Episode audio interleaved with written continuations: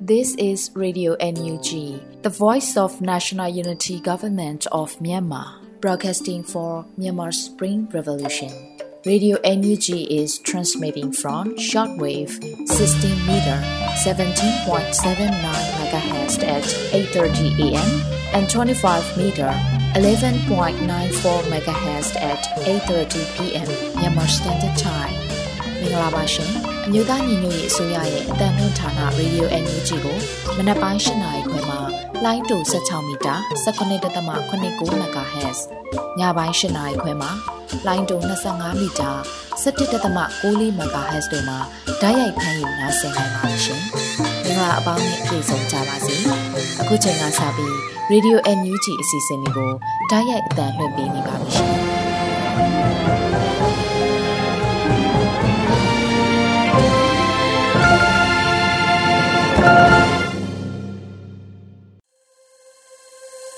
မြန်မာနိုင်ငံသူနိုင်ငံသားအပေါင်းတဘာဝပြီးဆရာနာရှင်ပြီးတို့ကနေကင်းဝေးပြီးကိုစိတ်နှပါဘေးကင်းလုံခြုံကြပါစေလို့ရေဒီယိုညူချီဖွယ်သားများကဆုတောင်းမြတ်တာပို့သလာရပါတယ်ရှင်။အခုချိန်ကစပြီးကာဝေးဝင်ကြီးဌာနရဲ့စီရေးသတင်းချင်းချုပ်ကိုတော့လွတ်လပ်နေပြီးမှဖတ်ကြားတင်ပြပေးပါရမရှင်။အမျိုးသားညီညွတ်ရေးဆိုရကာကွယ်ရေးဝန်ကြီးဌာနရဲ့နေ့စဉ်စစ်ရေးသတင်းအကျဉ်းချုပ်တွေကိုဖတ်ကြားတင်ပြပေးပါမယ်။တိုက်ပွဲများမှာ အကြမ်းဖက်စစ်ကောင်စီတပ်သားတေဆုံးသူဥယျာဉ်နဲ့အကြမ်းဖက်စစ်ကောင်စီတပ်သားဒဏ်ရာရသူဥယျာဉ်များကိုစုံစမ်းဆဲဖြစ်ပါတယ်။အဆိုပါစစ်ကောင်စီနဲ့တိုက်ပွဲဖြစ်ပွားမှုတရေများမှာမွန်ပြည်နယ်တွင်ဒီဇင်ဘာလ၁ရက်နေ့ညနေ6နာရီခန့်ကပေါင်မြို့နယ်ဇင်းကြိုက်မြို့ရှိဇင်းကြိုက်ရဲစခန်းအားဒေသခံကာကွယ်ရေးတပ်များမှဒရုန်းအပါဝင်လက်နက်ငယ်များဖြင့်ပစ်ခတ်တိုက်ခိုက်ခဲ့ကြပါတယ်။ဇင်းကြိုက်မြို့မှဈေးနီးရှိရဲစခန်းအားဒေသကာကွယ်ရေးတပ်များမှလက်နက်ငယ်များပါဝင်လက်ပစ်ဗုံးများ ဒရုန်းများဖြင့်ပစ်ခတ်တိုက်ခိုက်ခဲ့မှုကြောင့်အဆောက်အုံချို့ထိခိုက်ပျက်စီးခဲ့ပြီးအပြန်အလှန်ပစ်ခတ်မှုဖြစ်ပွားကတော်လိုင်းရဲဘော်များလုံခြုံစွာဆုတ်ခွာနိုင်ခဲ့ကြောင်းသိရပါတယ်။ရန်ကုန်တိုင်းတွင်ဒီဇင်ဘာလ၁ရက်နေ့နေ့လယ်10:38မိနစ်ခန့်က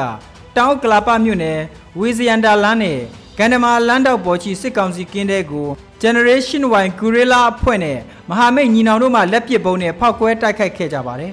။ဆက်လက်ပြီး စစ်ကောင်စီကျူးလွန်သောရာဇဝမှုများကိုတင်ပြပေးပါမယ်။ကချင်ပြည်နယ်တွင်ဒီဇင်ဘာလ၁ရက်နေ့ညနေ၈နာရီခန့်ကဖားကန်းမြို့နယ်နန့်ရာကြီးရွာနီးရှိခင်တောင်ရွာမှအမျိုးသား30ဦးခန့်ကိုတပ်မ33လက်အောက်ခံရွှေဘိုအခြေဆိုင်ခမရ17နဲ့ခမရ42မှစစ်ကောင်စီတပ်သားများကတနတ်ထောက်ပြီးခေါ်ဆောင်သွားကြောင်းသိရပါတယ်။ကရင်ပြည်နယ်တွင်ဖအံမြို့နယ်ဖျားကုန်း BGF စခန်းပြုပြင်ရန်အတင်းအဓမ္မလာရောက်ခေါ်ဆောင်သွားတဲ့ဒေသခံ40ဦးကို တလနီးပါးကြာတီတိပြန်မလွတ်ပေးသေးကြောင်း KNU တထုံခရိုင်မိဖက်ရေးရာကြီးကြပ်ကွက်ကဲမှုကော်မတီကပြောကြားခဲ့ပါတယ်။စစ်ကောင်စီလက်အောက်ခံအမှတ်1314ကရင်နယ်ကြားစောက်တပ် BGF ကဗိုလ်တင်ဝင်းဦးဆောင်တဲ့အဖွဲ့ဟာဖျားကုန်း BGF စခန်းပြုပြင်ရန်ဆိုပြီးပြီးခဲ့တဲ့နိုဝင်ဘာလ3ရက်နေ့တွင်ကုန်းတန်းကြီးနဲ့မိဆိုင်ချောင်းဝကြီးရွာဒေသခံအမျိုးသားအမျိုးသမီး40ဦးတို့ကိုအတင်းအဓမ္မလာရောက်ခေါ်ဆောင်သွားခြင်းဖြစ်ကြောင်းသိရပါတယ် ရန်ကုန်တိုင်းတွင်ဒီဇင်ဘာလ၁ရက်နေ့ညနေ4:22မိနစ်ခန့်ကကမာရွတ်မြို့နယ်စံရိပ်ငိန်လမ်းထဲသို့စစ်ကောင်စီတပ်သားများကလူငယ်တဦးကိုလက်ထိတ်ခက်ခေါ်လာပြီးလူလာရှာကဝန်တန်း၃ဦးကိုဖမ်းဆီးခဲ့ပါတယ်။တနင်္သာရီတိုင်းတွင်ဒီဇင်ဘာလ၁ရက်နေ့ညနေပိုင်းကတနင်္သာရီမြို့နယ်6အိမ်စုရွာမှဦးတန်းနိုင်၏လင်မယား2ဦးအားဇဝဲဂိတ်တွင်ဖမ်းဆီးခဲ့ပြီးတဦးကိုပြန်လွှတ်ပေးခဲ့ကြောင်းသိရှိရပါတယ်ခင်ဗျာ။ ယခုတင်ပြပေးခဲ့တဲ့သတင်းတွေကိုမြေပြင်သတင်းတာဝန်ခံတွေနဲ့ခိုင်လုံသောသတင်းရင်းမြစ်များမှအခြေခံပြုစုထားခြင်းဖြစ်ပါတယ်ကျွန်တော်ကလွတ်လပ်နေဦးပါခင်ဗျာ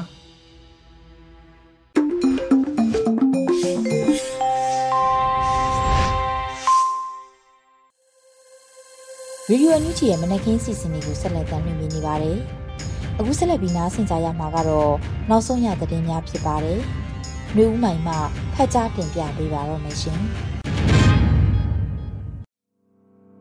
မင်္ဂလာပါရှင်အခုချိန်ကစပြီး Radio UNG ရဲ့ဒီဇင်ဘာလ3ရက်နေ့မနက်ခင်းသတင်းတွေကိုတင်ပြပေးပါတော့မယ်ကျွန်မအຫນွေဦးမိုင်းပါပထမဆုံးအပြည့်ပြည့်ဆိုင်ရာလူအခွင့်အရေးနေနဲ့လူအခွင့်အရေးရဲ့နှစ်သာရကိုစိတ်စောတိုက်တွန်းတဲ့အနေနဲ့ပြုလုပ်တဲ့ profile campaign ကိုအမျိုးသားညီညွတ်ရေးအစိုးရပြည်တော်စုဝင်ကြီးချုပ်နဲ့ပြည်တော်စုဝင်ကြီးများပါဝင်လှုပ်ရှားတဲ့တဲ့ရင်ကိုတင်ပြပေးပါမယ်။ပ အပြည့်ပြည့်ဆိုင်ရာလူအခွင့်အရေးနဲ့လူအခွင့်အရေးရဲ့အနှစ်သာရကိုစေစောတိုက်တွန်းတဲ့အနေနဲ့ပြုလုပ်တဲ့ profile campaign ကိုအမျိုးသားညီညွတ်ရေးအစိုးရပြည်ထောင်စုဝန်ကြီးချုပ်နဲ့ပြည်ထောင်စုဝန်ကြီးများပါဝင်လှုပ်ရှားခဲ့ပါတယ်။ဒီဇင်ဘာလအတွင်းမှာအပြည့်ပြည့်ဆိုင်ရာလူအခွင့်အရေးနဲ့လူအခွင့်အရေးရဲ့အနှစ်သာရကိုစေစောတိုက်တွန်းတဲ့အနေနဲ့ပြုလုပ်တဲ့ profile campaign ကိုအမျိုးသားညီညွတ်ရေးအစိုးရအဖွဲ့ကပါဝင်ခဲ့တယ်လို့အမျိုးသမီးလူငယ်နဲ့ကလေးသူငယ်ရေးရဝန်ကြီးဌာနကဖော်ပြပါတယ်။ အဆိုပါလှုပ်ရှားမှုမှာဝန်ကြီးချုပ်မောင်ဝင်ခိုင်တာနဲ့ပြည်ထရေးဝန်ကြီးဦးလုံကိုလက်သတင်းအချက်အလက်နဲ့ဆက်သွယ်ရေးဤပညာဝန်ကြီးဦးထင်လင်းအောင်စီမံဘဏ္ဍာဝန်ကြီးဦးတင်ထွန်းနိုင်ပညာရေးနဲ့ကျန်းမာရေးဝန်ကြီးဒေါက်တာဇော်ဝေဆိုးစတဲ့ပြည်ထောင်စုဝန်ကြီးများပါဝင်ခဲ့ပါတယ်။လာမယ့်ဒီဇင်ဘာလ10ရက်နေ့ဟာအပြည့်ပြည့်ဆိုင်ရာလူ့အခွင့်အရေးနေ့လည်းဖြစ်ပါတယ်ရှင်။ဆက်လက်တင်ပြပေးမှာကတော့အမျိုးသားညီညွတ်ရေးအစိုးရကိုဩစတြေးလျလွှတ်တော်နဲ့အစိုးရတို့က တရားဝင်အတိမတ်ပြုပေးရဲ့အပေါ်ပြည်တော်စုလွှတ်တော်ကိုစားပြုကော်မတီနဲ့ဩစတြေးလျလွှတ်တော်အမတ်များတွေ့ဆုံဆွေးနွေးတဲ့သတင်းဖြစ်ပါတယ်။အမျိုးသားညီညွတ်ရေးအစိုးရကိုဩစတြေးလျလွှတ်တော်နဲ့အစိုးရတို့ကတရားဝင်အတိမတ်ပြုပေးရဲ့အပေါ်ပြည်တော်စုလွှတ်တော်ကိုစားပြုကော်မတီနဲ့ဩစတြေးလျလွှတ်တော်အမတ်များတွေ့ဆုံဆွေးနွေးခဲ့ပါတယ်။ဒီဇင်ဘာလ၁ရက်နေ့ပြည်တော်စုလွှတ်တော်ကိုစားပြုကော်မတီနဲ့ဩစတြေးလျလွှတ်တော်အမတ်များဟာဗီဒီယိုကွန်ဖရင့်မှာတဆင့်တွေ့ဆုံဆွေးနွေးခဲ့ပါတယ်။ တွေ့ဆုံဆွေးနွေးပွဲတွင်အနာဂတ်တွင်ပုံမကောင်းမွန်သည့်ပူပေါင်းဆောင်ရွက်မှုတိုးမြင့်လှုပ်ဆောင်နိုင်ရေးအာဏာသိမ်းစစ်တပ်၏အကြမ်းဖက်မှုများနှင့်ဆိုးရွားသောလုပ်ရက်များကိုတားဆီးကာကွယ်နိုင်ရေးအတွက်ဒီမိုကရေစီအရေးဆောင်ရွက်နေကြသူများကို အကူအညီပေးရေးဒီမိုကရေစီပြန်လည်ရရှိပြီးငြိမ်းချမ်းသာယာစွာပြည်သူများနဲ့နေထိုင်နိုင်ရေးရွေးကောက်ခံလွှတ်တော်ကိုယ်စားလှယ်များနဲ့အခြားသောနိုင်ငံရေးဦးဆောင်သူများကအနာဂတ်ဖက်ဒရယ်နိုင်ငံတည်ဆောက်နိုင်ရေး ကြိုးပမ်းဆောင်ရွက်နေမှုများကိုဆွေးနွေးခဲ့ကြပါတယ်။ဒါအပြင်စစ်ကောင်စီပေါ်စီးပွားရေးတန်ခတ်မှုလက်ရှိပြည်ပခါများဖြည့်ရှင်းပေးနိုင်မည်မဟုတ်သောစစ်ကောင်စီအတူရောင်ရွေးကောက်ပွဲပေါ်သဘောထားအမြင်များနဲ့ပြည်တော်စုလွှတ်တော်ကိုစားပြုကော်မတီနဲ့အမျိုးသားညီညွတ်ရေးအစိုးရတို့အားဩစတြေးလျလွှတ်တော်နဲ့အစိုးရတို့ကတရားဝင်အတိမတ်ပြုပေးရဲ့ပေါ်ပြန်လှန်ဆွေးနွေးဖလှယ်ခဲ့ကြပါတယ်။ဩစတြေးလျလွှတ်တော်မှများကလည်း CRPH ဟာခိုင်ခိုင်မာမာထောက်ခံအားပေးပါကြောင်းနဲ့ ရှေ့ဆက်၍အကူအညီပေးရန်ကတိပြုပြောကြားခဲ့ပါတယ်။အဆိုပါတွေ့ဆုံဆွေးနွေးပွဲသို့ MP Peter Khalin နဲ့ MP Zodinels ဦးဆောင်သောဩစတြေးလျလွှတ်တော်အမတ်များ CRPH ဥက္ကဋ္ဌဦးအောင်ကြည်ညွန့်နိုင်ငံတကာဆက်ဆံရေးကော်မတီဥက္ကဋ္ဌ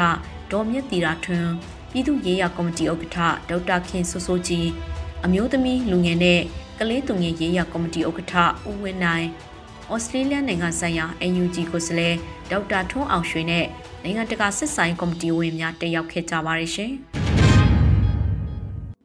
ဆက်လက်ပြီးရခိုင်တပ်တော် AA အနေနဲ့တော်လှန်ရေးကိုဆွလွန်မှာမဟုတ်ဘူးဆိုတာယုံကြည်ကြောင်းကာကွယ်ရေးဝန်ကြီးဦးရင်မိုးဆိုလိုက်တဲ့သတင်းကိုတင်ပြပေးပါမယ်။ရခိုင်တပ်တော် AA အနေနဲ့တော်လှန်ရေးကိုဆွလွန်မှာမဟုတ်ဘူးဆိုတာယုံကြည်ကြောင်းကာကွယ်ရေးဝန်ကြီးဦးရင်မိုးကဆိုပါတယ်။နိုမာလာကုံတွေ့ဆုံမင်းမြန်ခန်းတစ်ခုမှာကာကွယ်ရေးဝန်ကြီးကပြောကြားခဲ့ပါတယ်။ကျွန်တော်တို့ NUG အနေနဲ့ပြောမယ်ဆိုရင် အေးအေးအပေါ်မှာကောင်းကောင်းနားလဲပါတယ်။ယာယီအဖြစ်အခက်ရက်တယ်ဆိုတာကသိချတယ်။ဒါကစစ်ကောင်စီနဲ့ရွှေလန်းငွေလန်းဖောက်တာမဟုတ်ဘူး။အေးအေးအနေနဲ့ကလည်းဒီတော်လှန်ရေးကိုဆွလွန်မှာမဟုတ်ဘူးဆိုတာကျွန်တော်တို့ယုံကြည်မှုရှိပါတယ်လို့ဝန်ကြီးကဆိုပါတယ်။ဂျပန်နိုင်ငံအခြေစိုက် Nippon Foundation ဥက္ကဋ္ဌ Mr. Sasakawa ၏ကြွားဝင်စစ်ဆက်ပေးမှုကြောင့်ရခိုင်တပ်တော် AA နဲ့အာနာသိန်းစစ်ကောင်စီတပ်တို့ကြားအပြစ်ခတ်ရစဲမှုကိုနှုတ်အားဖြင့်သဘောတူခဲ့ပါတယ်ရှင်။ လွတ်လပ်ခြင်းကိုထောင်ချထားတဲ့တရားမဝင်အကြမ်းဖက်လူသက်စစ်တပ်ကိုအမြင့်ဖြတ်ကြားလို့ပြည်ထောင်စုဝန်ကြီးဒေါက်တာဇော်ဝေဆိုပြောကြားလိုက်တဲ့သတင်းကိုဆက်လက်တင်ပြပေးပါမယ်။လွတ်လပ်ခြင်းကိုထောင်ချထားတဲ့တရားမဝင်အကြမ်းဖက်လူသက်စစ်တပ်ကိုအမြင့်ဖြတ်ကြားလို့ပြည်ထောင်စုဝန်ကြီးဒေါက်တာဇော်ဝေဆိုကပြောပါရယ်။ဒီဇင်ဘာ2ရက်နေ့မှာအကြမ်းဖက်စစ်တပ်နဲ့ပတ်သက်လို့ပြည်ထောင်စုဝန်ကြီးဒေါက်တာဇော်ဝေဆိုးကဆိုပါတယ်ဒီမိုကရေစီကိုတည်တံပေးပြီးအမှန်တရားနဲ့လွတ်လပ်ခြင်းကိုထောင်ချထားတဲ့တရားမဝင်အကြမ်းဖက်လူသက်စစ်တပ်ကို အမြင့်ဖြတ်ကြလို့ဝန်ကြီးကဆိုပါတယ်လက်ရှိမှာအကြမ်းဖက်စစ်အုပ်စုဟာလူပေါင်း1000ကျော်ကိုဖမ်းဆီးချုံနှောင်ခဲ့ပြီးတော့လူပေါင်း2000ကျော်ကိုတပ်ဖြတ်ခဲ့ပါတယ်ရှင်ဆက်လက်ပြီးနေမြေလွှမ်းမိုးချုပ်ကင်ပြီးစီမံခန့်ခွဲမှုလုပ်ငန်းများဆောင်ရွက်မှုခိုင်မာစွာတည်ရှိရန်လိုအပ်တယ်လို့ပြည်ထောင်စုဝန်ကြီးဆိုလိုက်တဲ့သတင်းကိုတင်ပြပေးပါမယ်။နေမြေလွှမ်းမိုးချုပ်ခိုင်ပြီးစီမံခန့်ခွဲမှုလုပ်ငန်းများဆောင်ရွက်မှုခိုင်မာစွာတည်ရှိရန်လိုအပ်တယ်လို့ ပြည်ထောင်စုဝန်ကြီးခုထဲဘူကဆိုပါတယ်။ဒီဇင်ဘာ2ရက်ကျင်းပတဲ့အမျိုးသားညီညွတ်ရေးအစိုးရကြားကာလဒေသန္တရပြည်သူ့ချွေးဖော်ဆောင်မှုဗဟိုကော်မတီနဲ့တိုးချဲ့ပြည်သူ့ချွေးရဲ့အဖွဲ့များတွဲဆုံပွဲမှာပြည်ထရေးတူဝင်ကြီးခုထဲဘူးကပြောကြားခဲ့ပါတယ်။နေမြေလွှမ်းမိုးချုပ်ကင်ပြီးစီမံခန့်ခွဲမှုလုပ်ငန်းများဆောင်ရွက်မှုသည်ဖိုင်မာစွာတည်ရှိရန်လိုအကြောင်းပအဖဖွဲ့များနဲ့ဌာနဆိုင်ရာဝန်ထမ်းများချိတ်ဆက်မှုကောင်းမွန်စွာဖြင့်ပြည်သူ့အုပ်ချုပ်ရေးလုပ်ငန်းများကိုဆောင်ရွက်ရန်ဖြစ်ကြောင်း ရည်ပြည်မှရှိသည့်အခြေအနေများကိုဆွေးနွေးပြောကြားပြီးရှေ့လုပ်ငန်းစဉ်များကိုတိကျစွာဖြင့်ဆောင်ရွက်သွားရန်ဖြစ်ကြောင်းဒုဝန်ကြီးကဆိုပါတယ်။ဆက်လက်၍ဝန်ကြီးဌာနများမှဆောင်ရွက်နေသောလုပ်ငန်းများနှင့်ပတ်သက်၍ရှင်းလင်းတင်ပြခဲ့ပြီးနောက်တိုးချဲ့ပြည်သူ့အုပ်ချုပ်ရေးအဖွဲ့များမှရည်ပြင်ကြုံတွေ့နေရသည့်အခက်အခဲများနဲ့သိရှိလိုသည့်များကိုအပြန်အလှန်ဆွေးနွေးခဲ့ကြပါတယ်။တွိဆုံပွဲသို့ကြားကာလဒေသန္တရပြည်သူ့ချုပ်ရေးဖော်ဆောင်မှုဗဟိုကော်မတီအဖွဲ့ဝင်များအမြဲတမ်းအတွင်းဝင်များတွဲဖက်အတွင်းဝင်များနဲ့ ဌာနဆိုင်ရာများမှတာဝန်ရှိသူများတိုးချဲ့ပြည်သူ့အုပ်ချုပ်ရေးအဖွဲ့များမှတာဝန်ရှိသူများတက်ရောက်ခဲ့ပါတယ်ရှင်။ဆက်လက်ပြီးတူမီထီကန်ထူးရှင်ပေါင်း25ဦးပေါ်ထွက်လာပြီးအမြင့်ဆုံးစုမြန်မာငွေ330မှအနှိမ့်ဆုံး6တောက်ထိကန်ထူးကြတဲ့တရင်ကိုတင်ပြပေးပါမယ်။တူမီထီကန်ထူးရှင်ပေါင်း25ဦးပေါ်ထွက်လာပြီးအမြင့်ဆုံးစုမြန်မာငွေ330မှအနှိမ့်ဆုံး6တောက်ထိကန်ထူးကြတယ်လို့တင်ရရှိပါတယ်။ ဒီဇင်ဘာ2ရက်နေ့မှာအမျိုးသမီးလူငယ်နဲ့ကလေးသူငယ်ရေးရာဒူးဝင်ကြီးအီတန်ဇာမောင်ကတူမီထီထိုးဖို့တိုက်တွန်းရင်းဆိုထားပါတယ်။ US 9ဒေါ်လာဟာလက်ရှိငွေလဲလှယ်နှုန်းနဲ့ဆိုမြန်မာငွေကျပ်1000ကျော်ရှိပါတယ်။9ဒေါ်လာဆိုတာပမာဏအဖြစ်အလွန်နည်းပါတယ်လို့ဆိုနိုင်ပေမဲ့တော်လှန်ရေးအတွက်တော့အုတ်တစ်ချက်သေးတဲ့ပွင့်ဖြစ်ပါတယ်။အလားတူပဲကျွန်မတို့ပြည်သူတွေရဲ့9ဒေါ်လာတွေပေါင်းစည်းလိုက်ကြရင် စစ်ကောင်စီပြုတ်ကျဖို့အင်အားတစ်ခုဖြစ်လာမှအသေးချပါပဲလို့ဆိုထားပါတယ်။တူမီထီဟာတဆောင်9ဒေါ်လာနှုန်းနဲ့လာစင်ရောင်းချပေးလက်ရှိက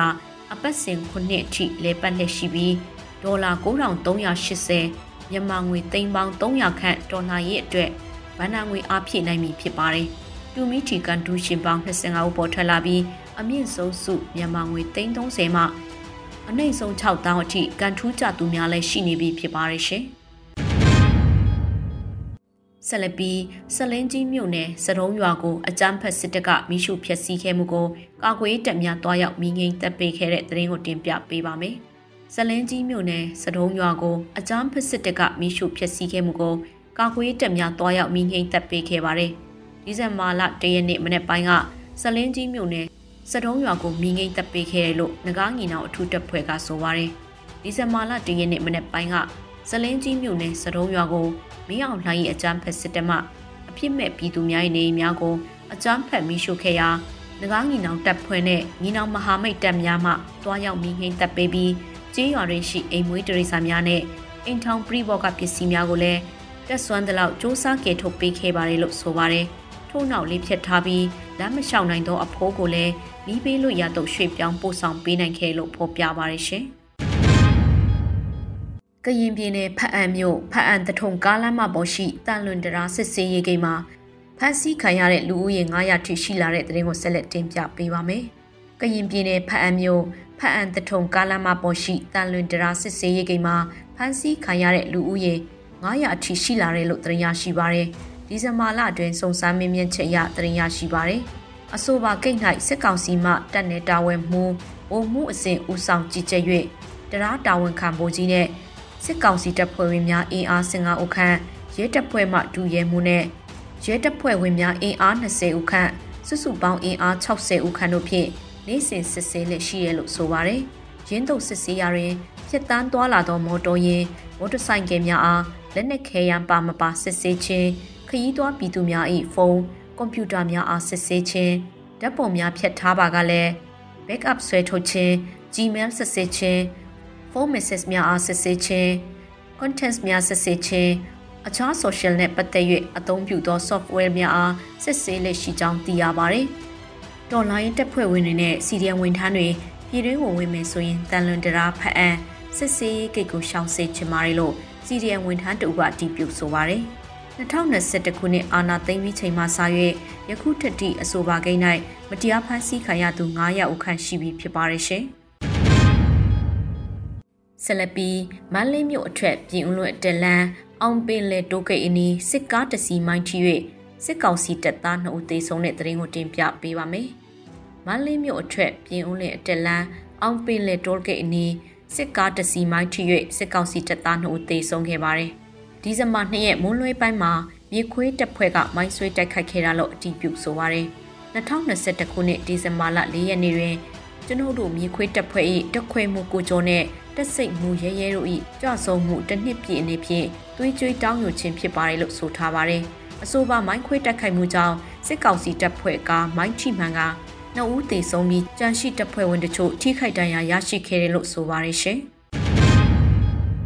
ပလောမြို့နယ်ထမင်းမစားကျေးရွာတွင်တက်ဆွဲထားသောစစ်ကောင်စီတပ်အားပြည်သူ့ကာကွယ်ရေးမဟာမိတ်တပ်ပေါင်းစုများကဝင်ရောက်တိုက်ခတ်ရာစစ်ကောင်စီတပ်ဘက်က9ဦးသေဆုံးတဲ့တဲ့ရင်ကိုဆက်လက်တင်ပြပေးပါမယ်။ ပလောမြို့နယ်ထမင်းမစားကျေးရွာတွင်တက်ဆွဲထားသောစစ်ကောင်စီတပ်အားပြည်သူ့ကာကွယ်ရေးမဟာမိတ်တပ်ပေါင်းစုများကဝင်ရောက်တိုက်ခိုက်ခဲ့ရာစစ်ကောင်စီတပ်ဘက်က9ဦးသေဆုံးခဲ့ပါတယ်။ဒီဇင်ဘာ2ရက်နေ့မှာတနင်္သာရီစစ်ဒေသခွဲကုတ်ကေရဲ့အဖွဲ့ပြန်ကြားရေးကအတိပေးဆိုပါရယ်ပလောမြို့နယ်ထမင်းမစားကျေးရွာတွင်တက်ဆွဲထားသောစစ်ကောင်စီတပ်အားပြည်သူ့ကာကွယ်မဟာမိတ်တပ်ပေါင်းစုများကဝင်ရောက်တိုက်ခိုက်ခဲ့ပါတယ် ဒီဇင်ဘာလ၁ရက်နေ့လယ်တနာရီဝန်းကျင်တွင်စတင်ဝင်ရောက်တိုက်ခိုက်ခဲ့ခြင်းဖြစ်ပါတယ်လို့ဆိုပါတယ်အချိန်၄နာရီခန့်ကြာခဲ့တဲ့ထမင်းမစားတိုက်ပွဲတွင်စစ်ကောင်စီတပ်သား9ဦးသေဆုံးပြီး၄ဦးခန့်ဒဏ်ရာရရှိခဲ့တဲ့အပြင် MA1 တလက်နဲ့ကြီးပေါက်၅ခုသိမ်းဆီးရရှိခဲ့လို့ဖော်ပြပါရယ်ပြည်သူ့ကာကွယ်မဟာမိတ်တပ်ပေါင်းစုများမှကြိခိုက်မှုမရှိအောင်မြင်စွာဆုတ်ခွာစစ်ဆင်နိုင်ခဲ့ပါတယ်အဆိုပါဝင်ရောက်တိုက်ခိုက်မှုကိုပြည်သူ့ကာကွယ်မဟာမိတ်တပ်ပေါင်းစုများဖြစ်ကြသည့် ပြည်သူ့ကာကွယ်တပ်မတော်ဗိတ်ခရိုင်တပ်ရင်းတင်းနဲ့မဟာမိတ်တပ်ပေါင်းစုတို့ပူးပေါင်းလှုပ်ဆောင်ခဲ့ခြင်းဖြစ်ပါရဲ့ရှင်အခုတင်ပြပေးခဲ့တဲ့သတင်းတွေကိုတော့ Radio UNG သတင်းထောက်မင်းမင်းမှပေးပို့ထားတာဖြစ်ပါရဲ့ရှင်။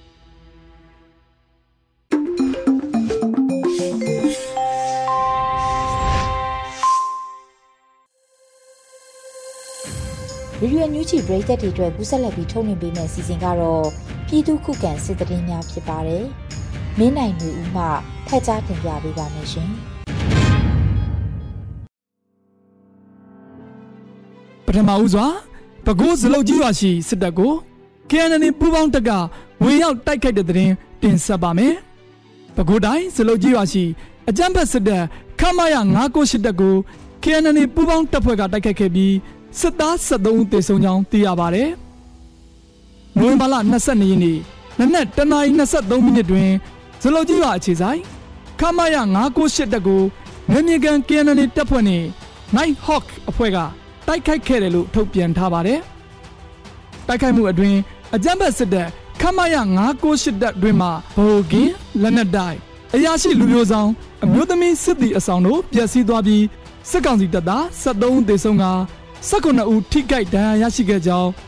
Night Hawk အဖွဲ့ကထုတ်ပြန်ပါတယ်။ ချင်းနမြအတွင်စစ်သင်းမောဆယ်တစီကို PDF 26ဘွဲ့ကဝိုင်းဝန်းတိုက်ခိုက်တဲ့တဲ့ရင်ဆက်လက်တင်ဆက်ပါမယ်။စကိုင်းတိုင်းစလင်းကြီးမြို့နယ်ရှိချင်းနမြကြောင်အတွင်ဖြတ်တန်းသွားလာသည့်စစ်သင်းမောဆယ်တစီကို PDF 26ဘွဲ့ကဝိုင်းဝန်းတိုက်ခိုက်ခဲ့ကြောင်း One Star Tech 4အဖွဲ့ကထုတ်ပြန်ပါတယ်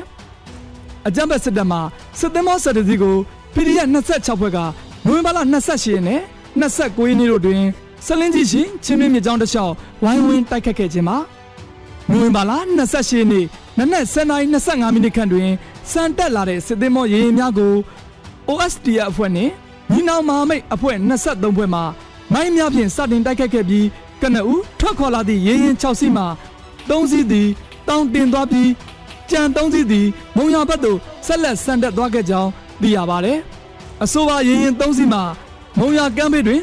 စစ်သားအလောင်း၃လောင်းနဲ့ဒဏ်ရာရစစ်သား၉ဦးကိုသင်းမောပေါ်မှာချခဲ့ကြောင်းရင်းနောက်စုံစင်းလာတဲ့ပထမရင်ရင်ကိုမူးလဲပိုင်းနဲ့ဒုတိယစုံစင်းလာတဲ့ရင်ရင်ကိုရင်းနဲ့ညနေပိုင်း9နာရီကျော်ခန့်တွင်တစ်ကြိမ်ထပ်မံမိုင်းဆွဲတိုက်ခိုက်ခဲ့ပြီးပြစ်ခတ်တိုက်ခိုက်မှုများပါဖြစ်ပွားခဲ့ကစစ်သား10ဦးတမနဲ့တေဆုံးခဲ့ကြောင်းသိရပါတယ်။နောက်ဆုံးအနေနဲ့တောင်အုပ်ကလာတွင်စစ်တပ်ကင်းဂိတ်ကိုလက်ပစ်ပုံဖြင့်ပြစ်ခတ်တိုက်ခိုက်တဲ့တဲ့ရင်တင်ဆက်ပါမယ်။ ရန်ကုန်တောင်ကလာပမြို့နယ်ဝေစင်တာလန်းနယ်ဂန္ဓမာလန်းတောင်ရှိအကြမ်းဖက်စစ်တပ်ကင်းဂိတ်ကိုမြို့ပြယူကြီးအဖွဲ့များကလက်ပစ်ပုံပစ်သွင်းတိုက်ခိုက်ခဲ့ကြောင်းရန်ကုန်ယူကြီးများအဖွဲ့ထံမှသိရပါဗျ။ဒီဇင်ဘာလ၁ရက်နေ့မွန်းလွဲတနာရီ35မိနစ်တွင်တောင်အုပ်ကလာပမြို့နယ်ဝေစင်တာလန်းနယ်ဂန္ဓမာလန်းတောင်ရှိအကြမ်းဖက်စစ်တပ်ကင်းဂိတ်ကိုဂျီဝမ်ဂျီအဖွဲ့နှင့်မာမိတ်တပ်ဖွဲ့တို့မှလက်ပစ်ပုံဖြင့်ပပြစ်သွင်းတိုက်ခိုက်ခဲ့တာပါထို့ပြင် ကမာရွတ်မြို့နယ်တွင်လည်းဒီဇင်ဘာလ၁ရက်နေ့ည9:36မိနစ်၌ပောက်ကွဲသံထွက်ပေါ်ခဲ့တယ်လို့ဒေသခံတွေကဆိုပါတယ်ခင်ဗျာ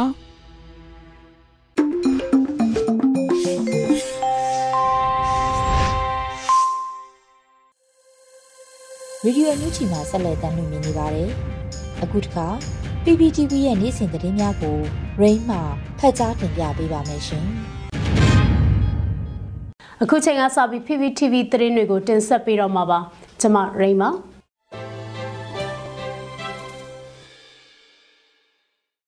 ပထမဆုံးတင်ဆက်မဲ့သတင်းကတော့ KIA တပ်မဟာကိုနယ်မြေအတွင်းမှာအကြမ်းဖက်စစ်တပ်ကိုတပ်ဆွဲခွင့်နဲ့လက်နက်ခဲယမ်းအင်အားတဲဆောင်ခွင့်မပြုတော့ဘူးလို့ထပ်မံသတိပေးချက်ထုတ်ပြန်လိုက်တဲ့သတင်းမှာ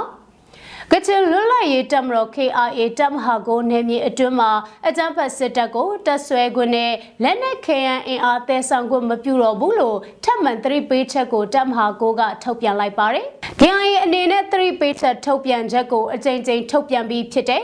ထို့ကြောင့်ဘာသာရေးအဆောက်အဦလူအများနဲ့သက်ဆိုင်သောအဆောက်အဦများမှာအာဏာသိမ်းစစ်ကောင်စီတပ်ဖွဲ့များကိုတဲခိုရန်နာကိုမပြုရနဲ့ဖြစ်ပေါ်လာသောအကျိုးဆက်များကိုမိမိတို့ KIA တပ်မဟာကိုမှတာဝန်ယူမှာမဟုတ်ကြောင်းထပ်မံအသိပေးလိုက်တယ်လို့ထုတ်ပြန်ချက်ထဲမှာဖော်ပြထားပါတယ်။ ကချင်လွတ်လပ်ရေးတပ်မတော် KIA တပ်မဟာကိုကပြီးခဲ့တဲ့2021ခုနှစ်မလ16ရက်မှာတပ်မဟာကိုနယ်မြေအတွင်းရှိဘာသာရေးအစည်းအရုံးတွေအားလုံးကမိမိပိုင်ဘာသာရေးအဆောက်အဦကျောင်းဝင်းများအတွင်းအာဏာသိမ်းစစ်ကောင်စီတပ်ဖွဲ့တွေစစ်ကြောင်းတွေကိုခိတ္တနာနေတာ ညအိညနေစကန်ချနေထိုင်တာအစရှိတဲ့ဘယ်အကြောင်းနဲ့မှခုမပြုတ်ဖို့အတွက်ဆိုပြီးသတိပေးချက်ထုတ်ပြန်ထားတာပါဒါပြင်အဲ့ဒီထုတ်ပြန်ချက်ထဲမှာ AC ကားတွေခရီးသည်တင်မော်တော်ယာဉ်တွေကမ္ပဏီ၃ယာဉ်တွေအားလုံးကအာနာသိစစ်ကောင်စီတပ်ဖွဲ့တွေရဲ့စစ်ပစ္စည်းလက်နက်ခဲယမ်းနဲ့စားနပ်ရိက္ခာတွေတည်ဆောင်ပေးတာမိုးကအုပ်ပြီးသွာလာတာတွေကိုမပြုတ်လို့ဖို့အတွက်လည်းသတိပေးထားတာတွေ့ရပါတယ် ဆက်လက်တင်ဆက်ပေးမှာကတော့တက္ကသိုလ်ဝန်ထမ်းအောင်မြင်ပြီးတဲ့ကျောင်းသားများအတွက် New Myanmar Education မှာတက္ကသိုလ်ဆက်တက်နိုင်တယ်ဆိုတဲ့သတင်းမှာအကြံပတ်စစ်ကောင်စီဖွင့်လှစ်တဲ့ကျောင်းတွေမှာမတက်ရောက်ပဲ CTM ပြုလုပ်ထားတဲ့တက္ကသိုလ်ဝန်ထမ်းအောင်မြင်ပြီးတဲ့ကျောင်းသားများအတွက် New Myanmar Education မှာတက္ကသိုလ်ဆက်တက်နိုင်မှာဖြစ်ပါတယ်။ တက္ကသိုလ်ဝန်ထမ်းအောင်မြင်ပြီးသူတွေတိုင်းနယ်ပြည်နယ်အသီးသီးရှိတိုင်းရင်းသားအခြေခံပြည့်မြောက်ထားသူတွေ GED အောင်မြင်ထားသူတွေ2019-2020ပညာသင်နှစ်မှာပထမနှစ်တက်ရောက်ဆဲဖြစ်တဲ့နေ့သင်တန်းနဲ့အဝေးသင်ကျောင်းသားကျောင်းသူတွေအနေနဲ့ New Myanmar Education တက္ကသိုလ်ပညာရေးကိုဆက်လက်သင်ကြားနိုင်မှာဖြစ်ပါတယ်။ New Myanmar Education ကတော့စစ်ကျင်ပညာရေးကိုတပိတ်မှောက်ဆန့်ကျင်ဆန္ဒပြခဲ့ကြတဲ့ CDM ကျောင်းသားတွေအတွက်အဓိကရည်ရွယ်ကဖွင့်လှစ်တာဖြစ်တယ်လို့အသိပေးထားပါတယ်။ပထမနေ့အတွက်စတင်သင်ကြားပေးမှာဖြစ်ပြီးတော့ဘာသာရပ်တွေအနေနဲ့ဝိဇာနဲ့သိပ္ပံဘာသာရပ်တွေဖြစ်တဲ့ Myanmar English, Geography, History, Economic, Mathematics, Chemistry, Physics, Zoology နဲ့ Botany အစရှိတဲ့အထူးပြုဘာသာရပ်တွေကိုသင်ကြားပေးမှာဖြစ်ပါတယ်။ ကျောင်းအနန္ဒာကိုလူဦးရေအကန့်အသတ်ထားရှိမှာဖြစ်ပြီးကျောင်းအလက်ခံရက်ကိုလည်းတပတ်အတွင်းအပြီးလက်ခံသွားမှာဖြစ်တယ်လို့အသိပေးထားပါတယ်။ New Myanmar Education အနေနဲ့ Federal ပညာရေးတက္ကသိုလ်ဝင်ခွင့်တွေလွယ်ကူစွာဖြည့်ဆို့နိုင်ရန်ရည်ရွယ်ပြီး Grade 10စနစ်သစ် Grade 11စနစ်ဟောင်း Grade 11စနစ်သစ်အတန်းများကိုလည်းသင်ကြားပေးခဲ့တယ်လို့သိရပါတယ်။ကျေးဇူးတင်ပါတယ်ရှင်။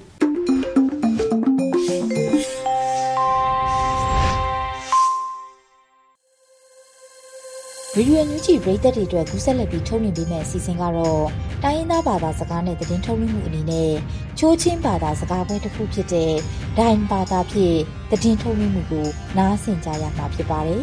။ဒီအစီအစဉ်ကိုရေဒီယိုအန်ယူဂျီနဲ့ချိုးချင်းဘာသာစကားသတင်းထုတ်လွှင့်မှုဖွဲ့တို့ကပူးပေါင်းတင်ဆက်ပေးထားတာဖြစ်ပါတယ်ရှင်။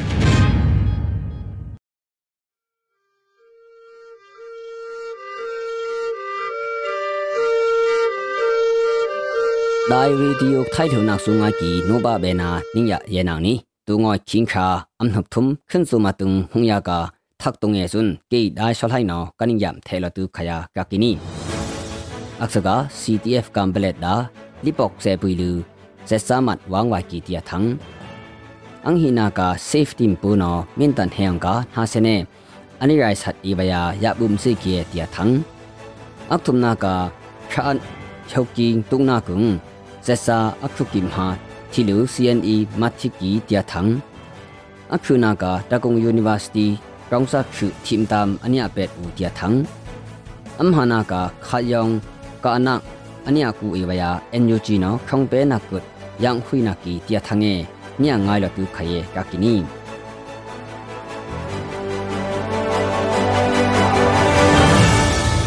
ဆက်ဆာမဆွန်လီပေါက်ဆေပူလူ CTF ကမ်ပလက်ဒါ วังไวกีติลู CTF กัมเปลตนาวคัมขาอทุมกีคืบนบุง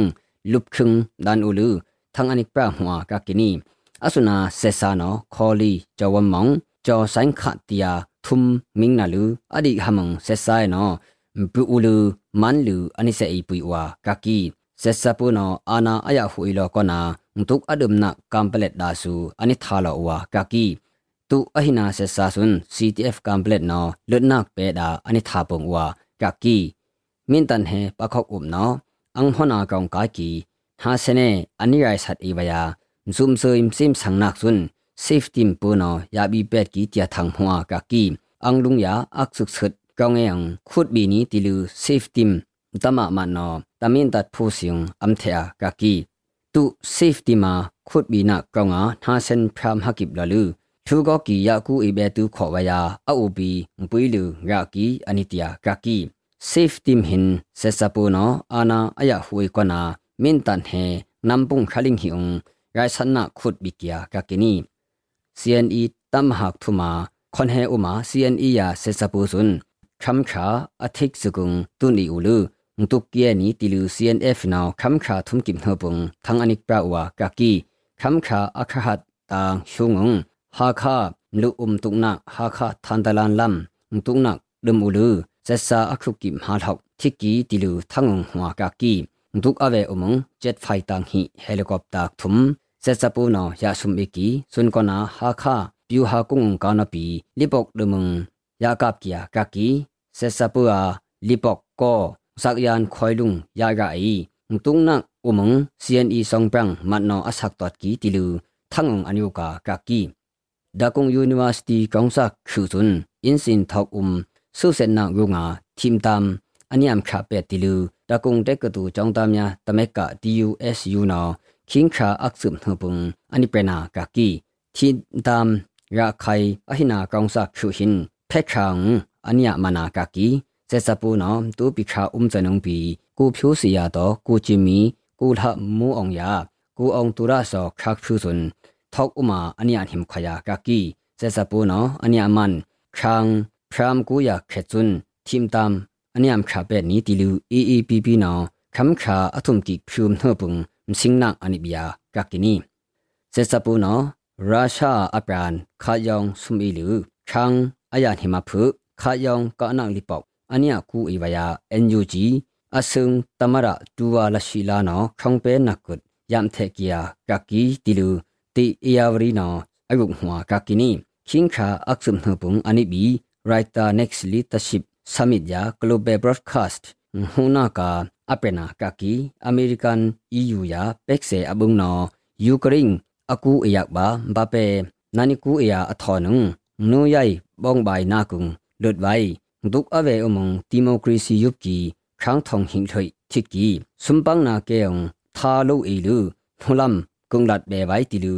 NUG အဆုံတမရနောအရှင်နာပေါ်ယုံအပနာကကီနီစုံငါကီနိုပဘေနာနိညာယေနာနီ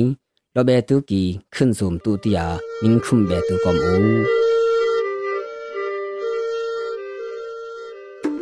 ဒီကနေ့ကတော့ဒီညနဲ့ပဲ Radio NUG ရဲ့အစီအစဉ်လေးကိုခਿੱတရနာလိုက်ပါမယ်ရှင်။မြမစံတော်ချိန်မနက်၈နာရီခွဲနဲ့ည၈နာရီခွဲအချိန်တွေမှာပြန်လည်ဆုံတွေ့ကြပါစို့။ Radio NUG ကိုမနက်ပိုင်း၈နာရီခွဲမှာလိုင်းတူ16မီတာ19.8 MHz ညပိုင်း၈နာရီခွဲမှာလိုင်းတူ25မီတာ17.6 MHz တို့မှာဓာတ်ရိုက်ဖမ်းလို့နိုင်စေနိုင်ပါပြီ။ မြန်မာနိုင်ငံသူနိုင်ငံသားတွေကိုစိတ်နှပြ